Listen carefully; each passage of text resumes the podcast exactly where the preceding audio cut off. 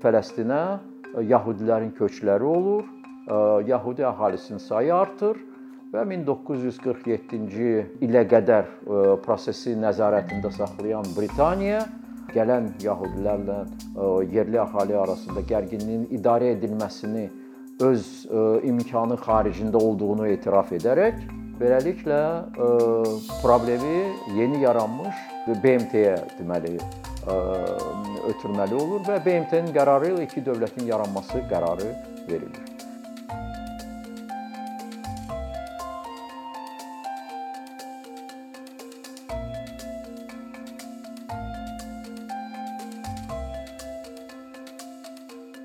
Son zamanlar yəqin ki, dünya ictimaiyyətini, dövlət rəhbərliklərini, ümumiyyətlə insanları çox narahat edən, qəzəbə gətirən, emosiyaların coşqunluqla ifadəsinə gətirib çıxaran məsələlərdən biri, beynəlxalq münasibətlərdə ümumiyyətlə məsələlərdən biri Fələstində baş verən hadisələrdir. 7 oktyabr tarixindən başlayaraq Qəzza zolağında baş verən faciəvi hadisələrdir. Və o hadisələrin kökündə duran bəlkə də beynəlxalq münasibətlərdə ən çox tarixi olan, ən uzun müddətli bir konflikt olan Fələstin dövlətinin, Fələstin torpağının, ölkəsinin siyasi aqibəti problemidir. Bildiyiniz kimi Fələstin çox qədim bir tarixə malik olan bir coğrafi məkandır və o məkanın siyasi müqəddəratı təxminən desək, dəqiq deyə bilərik, 100 ildən artıq olaraq öz həllini və öz bəlkə də qarşısında gələcək bir çətinliklərini balaca bir sənəddən kökünü götürür. O da 1917-ci ildə Britaniya Xarici İşlər naziri Balfourun məşhur bankir Rothschildə verdiyi vəddən, rəsmi sənəddən irəli gələn bir məsələdir. O sənədə uyğun, o balaca bir sənəddir. Hardasa yarım səhifəlik bir mətn ehtiva eləyir. O sənəddə deyilir ki, Britaniya hökuməti var gücü ilə, imkanları ilə Yahudi xalqına, Sionist hərəkatına Fələstində onların ocağının yaradılması üçün səylər göstərəcək. Lakin o şərtlə ki, oradakı əhalinin haqqları və oradakı əhalinin durumuna xələl gətirilməsin.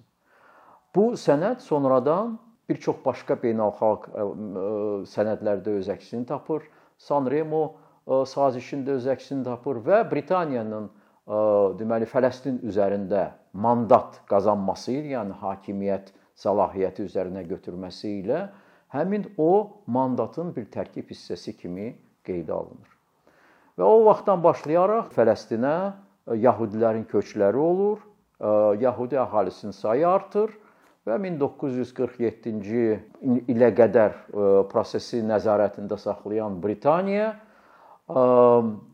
yaranmış gərginliyin, deməli gələn yəhudilərlə yerli əhali arasında gərginliyin idarə edilməsini öz imkanı xaricində olduğunu etiraf edərək beləliklə problemi yeni yaranmış BMT-yə deməli ötürməli olur və BMT-nin qərarı ilə iki dövlətin yaranması qərarı verilir. Hadisələr elə gətirir ki, BMT qərarını ərəblər qəbul etmirlər müəyyən səbəblərə görə və o onu bəlkə də izah edərik. Deməli, Yahudilər də ondan narazı qalmağına baxmayaraq qəbul edib öz dövlətini yaradırlar. Ərəblər bunu qəbul etmədikləri üçün müharibə başlayır və müharibə nəticəsində yeni yaranmış İsrail ərəbləri məğlub edib BMT qərarında nəzərdə tutulandan da artıq sahəni öz sərhədlərinə daxil edib, deməli beləliklə böyük bir problemin əsasını qoymuş olurlar. Bu qərarlar, yəni yeni hökumətin, yeni dövlətin yaradılması, əhalinin köçü hansı məntiqə söykənirdi? Hansı məntiqlə bu qərarların verilməsi mümkün oldu. Çünki əslində biz beynəlxalq münasibətləri, ümumiyyətlə tarixi izləməli olsaq, müasir tarixdən söhbət gedir. Yəqin ki, belə bir müstəsna bir haldır ki, hansısa belə kənardan olan əhalini müasir dövrdə başqa bir yerə gətirib orada dövlət yaratmaq mümkün olsun. Ona hansı əsas verən nə ola bilərdi? Əsas verən Yahudi xalqının doğrudan da faciəvi tarixi taleyi idi və o faciəvi tarixdən irəli gələn onların tarixi haqqları deyilən bir dəyər idi. Bu tarixi haqqlar əlbəttə ki, bizə məlum olan qədim tarix barədə xəbərlərə söykənir. Və bu xəbərlərin də doğrudanmı tarixi həqiqət olub olmamasını müəyyən edən kimlər ola bilər? Əlbəttə ki, nə siyasətçilər, nə dövlət xadimləri, tarixçilər ola bilər. Beləliklə biz gördüyümüz kimi tarixçilərin yazdıqları, tarixçilərin düşündükləri və bir tarixi gerçəklik kimi gətirdikləri bir məsələ üzərində siyasi qərar qəbul olunur və ə, e, gerçək durumu və gərginlik yaradan hadisələr baş verir. Bu problem, yəni tarixi həqiqət və ə, e, tarixi haqqlar və siyasi qərarlar və onların ədalətli olub olmaması məsələləri ə, e, arasındakı münasibətlər çox ziddiyyətlidir. Və onun əsas səbəbi ondan ibarətdir ki, əslində biz tarixi həqiqətləri doğrudan da olduğu kimi ə, e, tarix elminin bir sahəsi kimi üzə çıxarmaqda çox məhdud imkanlara sahibik. Və o tarixi hə-, həqiqətlər üzərində alimlər indiyənə qədər çoxlu mübahisələr aparır, fikir müxtəlifliyi olur və hansı fikrin doğru və yaxud qeyri-doğru olmasını müəyyən etmək çətin olur Tədricən bəlkə də məsələlər aydınlaşa bilər, yeni mənbələr üzə çıxa bilər, arxeoloji araşdırmalar nəyisə əlavə edə bilər. Lakin həqiqətin doğrudan da necə olduğunu müəyyən etmək, biz onu qəbul etməmək etməliyik. Çətin və bəlkə də mümkünsüzdür. Beləliklə belə bir ziddiyyət yaranır ki, həmin o tarixi həqiqətlərin nə olduğu və tarixi haqqların kimin tərəfində olduğunu müəyyən etmək üçün biz əslində konkret və hamı tərəfindən qəbul olunan bir dəyərə müraciət edə bilmirik. Çünki ərəblərin və bir qrup tarixçilərin bu həqiqətlərə münasibəti və onlar barədə fikirləri bir cür ola bilər, bir başqa tərəfin isə başqa cür ola bilər. İndi biz bu ümumi bir problemi əgər Fələstin probleminə aid etsək, biz deyə bilərik ki, Bəli, uzun əsrlər boyu faciəvi bir taleyə sahib olan Yahudi xalqı dəfələrlə öz yaşadığı ərazilərdən qovulmuş, repressiyaya məruz qalan, öz təhlükəsizliyini başqa dövlətlərdə axtarıb tapmayan və təhlükəsizlik problemləri ilə qarşılaşan xalq milli dirçəliş dövründə öz təhlükəsizliyini, öz milli şuurunu təmin etmək üçün dövlətçilik həsrətinə gəlib və bu haqqı özünə qazandırıb. Lakin bu haqqın tarixi haqqlara söykənib məhz Fələstində deməli gerçəkləşdirilməsi e, məsələsi yenə də bizi qaytarır həmin o tarixi həqiqət və tarixi haqqların ziddiyyətli bir e, münasibətlərinə. Çünki əslində dediyim kimi Fələstində bir zaman Yahudi əhalisinin olması və dövlətin olması inkar olunmaz bir fakt kimi qəbul olunur. Əslində ərəblər bir vahid bir etnik bir mühit kimi, ərəb adı ilə tanınan mühit kimi ancaq İslamdan sonra deməli siyasi səhnəyə gəlirlər. Lakin onların əlbəttə ki, etnik tarixi çox uzaqlara gedir.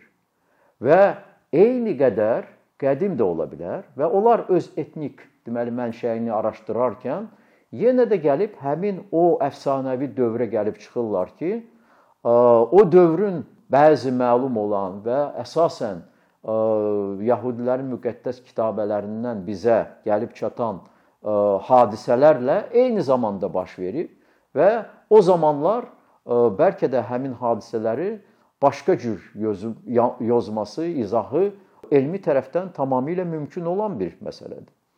Söhbət ondan gedir ki, Yahudilər deməli Fələstin ərazisinə bildiyiniz kimi Tövratda da bir göstərdiyi kimi harada isə eramızdan əvvəl 2-ci minilliyin ikinci yarısında gəlməli olurlar. Amma gəldikdə bunu Tövratda da görürük. Orada bir qeyd də var ki, artıq Fələstində başqa bir əhali yaşayırdı. Və o əhalinin çox güclü olmağı, öz təsis dövlət təsisatlarının olması da Bibliyadan da deməli bizə məlum olur. Ərəblər özlərini həmin o qədim əhalinin törəmələri saymaqda o qədər də səhv etmirlər. Çünki həmin əhalinin də qədim Sami əhalisi olmağı artıq isbat olunub. Qüds bir şəhər kimi ən qədim şəhərlərdən biri sayılır və Qüdsün əhalisini təşkil edən Sami, Kənani deyilən xalqın bir qismi, bir zümrəsi, bir tayfası Yabu, e, e, Yavusilər adlanan, e, İyevuseylər adlanan bir əhalidir. Və hətta yahudilər bu əraziləri silah gücü ilə Fələstini silah gücü ilə özünə tabe etdirdikdə bir müddət Qüdsü ələ keçirə bilmirlər. Çünki Qüds bütün Sami xalqlarının müqəddəs bir yeri olaraq xüsusilə qorunan haram bir yer sayılırdı. Və o haram bir yer olaraq, deməli, əlbəttə ki, onun zor gücü ilə ələ keçirilməsi xeyli, deməli, ziddiyyətlərə, qarşıdurmalara səbəb olacaqdı. Bir müddətdən sonra ancaq deməli, Qüdsə ələ keçirməklə burada yahudilər deməli bu Qüdsün fəth olunması Davud padşahın vaxtında baş verir. Bunu edən yahudilər Birincisi e, e, padşahın sarayını tikirlər, amma məbəd tikməkdə deməli hələ də tələskənliyə yol vermirlər. Bibliyada e, elə qeyd olunur ki, məbədin tikilməsi güya Allah Davud padşaha müraciət edir, onun Qüdsə ələ keçirməsinə dəstək olur, amma qeyd edir ki, məbədin tikilməsi sənə qismət olmayacaq. Və doğrudan da məbədin tikilməsi yahudiləri birləşdirən və onları bir yahudi xalq kimi, deməli, qoruyan, saxlayan əsrlər boyu məhz bu məbədə qayıdış arzusu olub və bu məbədin tikilməsi gördüyünüz kimi Fələstini ələ keçirdikdən son dərhal sonra baş vermir. Çünki yenə demək istəyirəm, bütün Sami xalqları həmin bu məbədə öz müqəddəs bir məbəd kimi münasibətdə olurlar.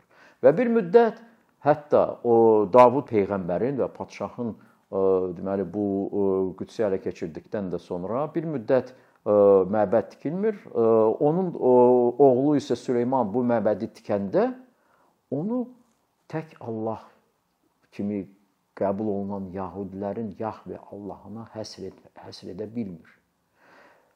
Bütün Sami, deməli o bütpərəst xalq xalqlarının məbədi olaraq görünür bunu təşkil etməli olur. Çünki həmin məbəddə bir çox başqa bütlərin, ilahi qüvvələrin də rəmzləri saxlanılır.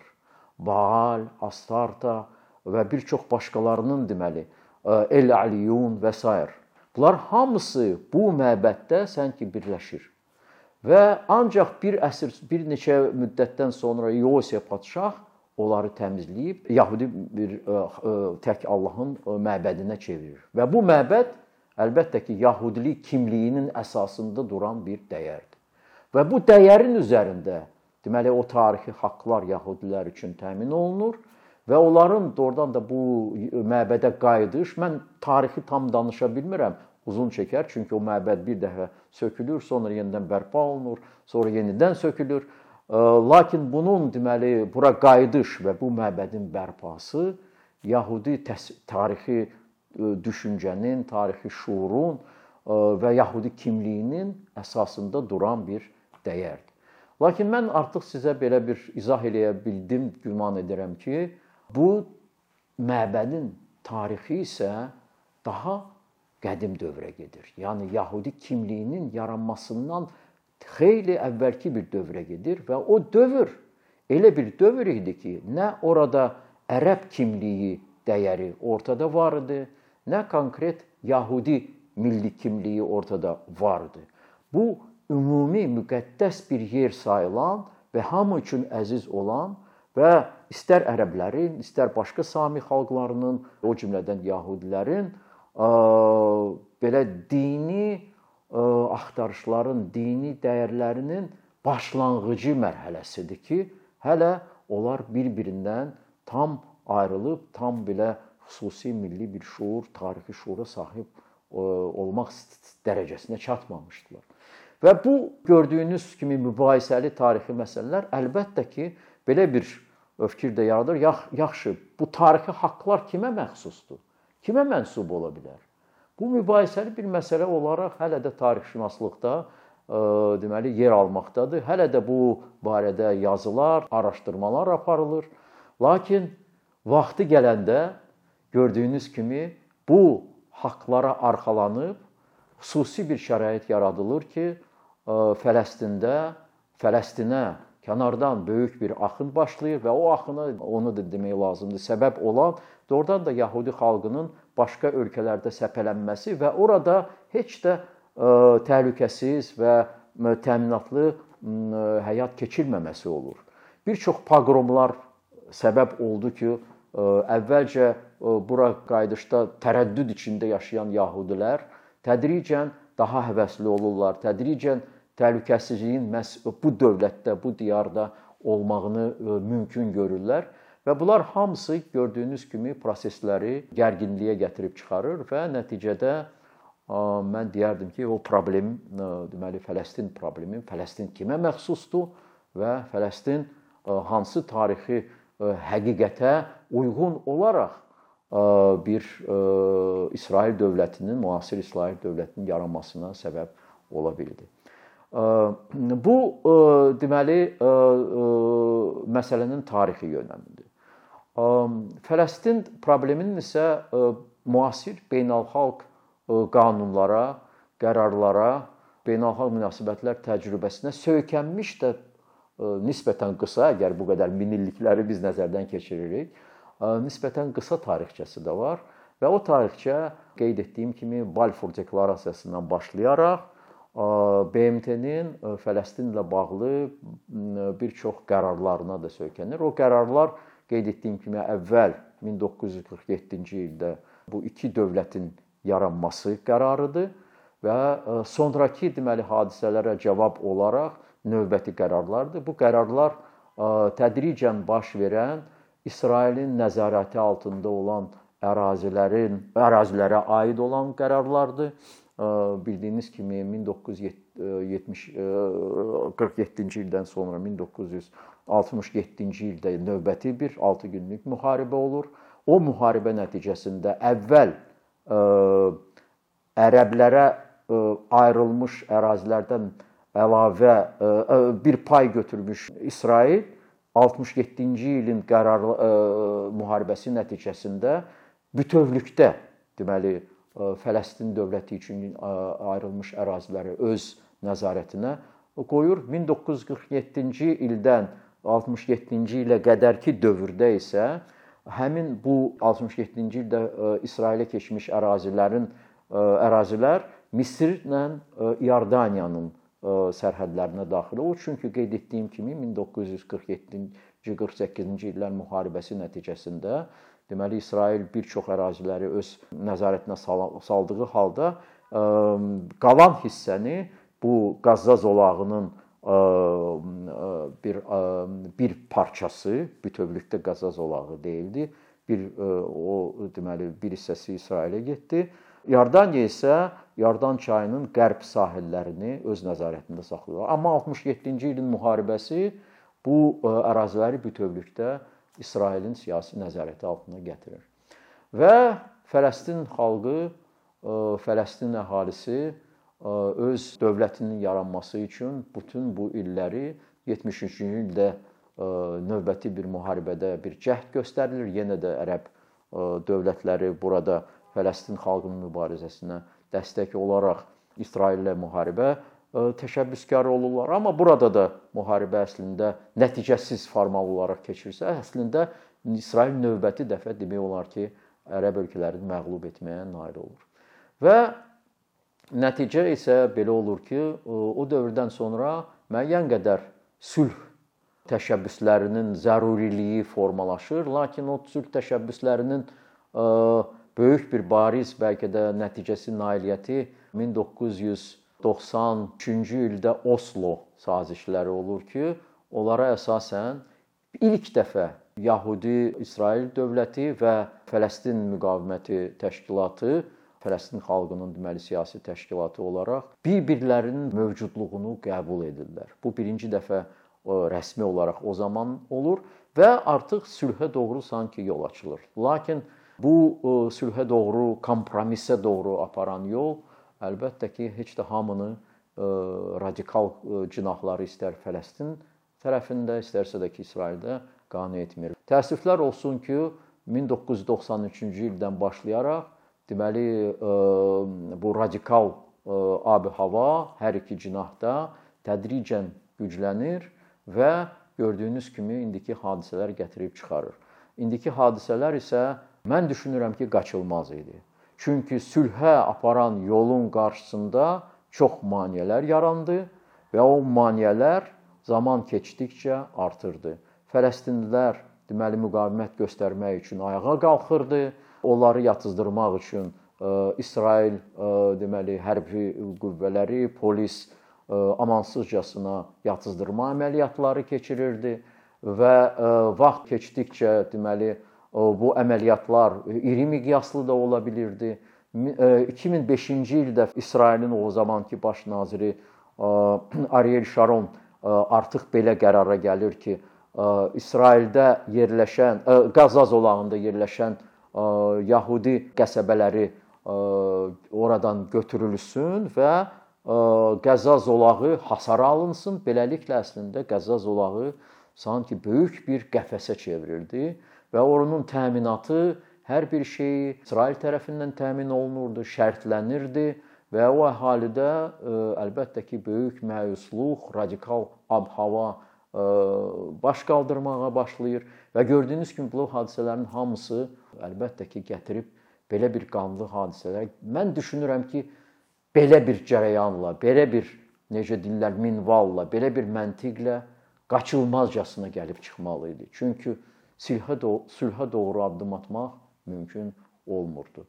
Və radikal Hamas qruplaşması da ə, nəinki İsrailə, o cümlədən elə bir çox başqa qonşu ölkələrə də müəyyən baş ağrısı verən bir hərəkata çevrildi. Çünki həmin o ərəb ölkələrdə Fələstinlilərə simpatiyası olan əhali də bu radikal ə, e, ab-havada olaraq öz ə, e, ə, e, ölkələrində də müəyyən etirazlara, müəyyən öz hökumətlərinə də təzyiq, təpkilər etməyə başlayır və orada da gördüyünüz kimi bu radikallaşmanın əks sədaları özünü göstərməli olur. Bir çox cəhdlər belə izahlar onu ona işarə edir ki, sanki bu indiki qarşıdurmanın tarixçəsi bu ilin 7 oktyabrından başlayan bir tarixçiyə sahib olan deməli hadisələr ardıcıllığını gördüyünüz kimi belə deyil. Yəni gördüyünüz kimi bu vəziyyətə gətirib çıxaran ə, sadəcə ə, ə, deməli radikal Hamasın ə, amansız düyünün mövqedə olması da deyil. Burada hər bir tərəfin öz payına düşən günahı və məsuliyyəti var.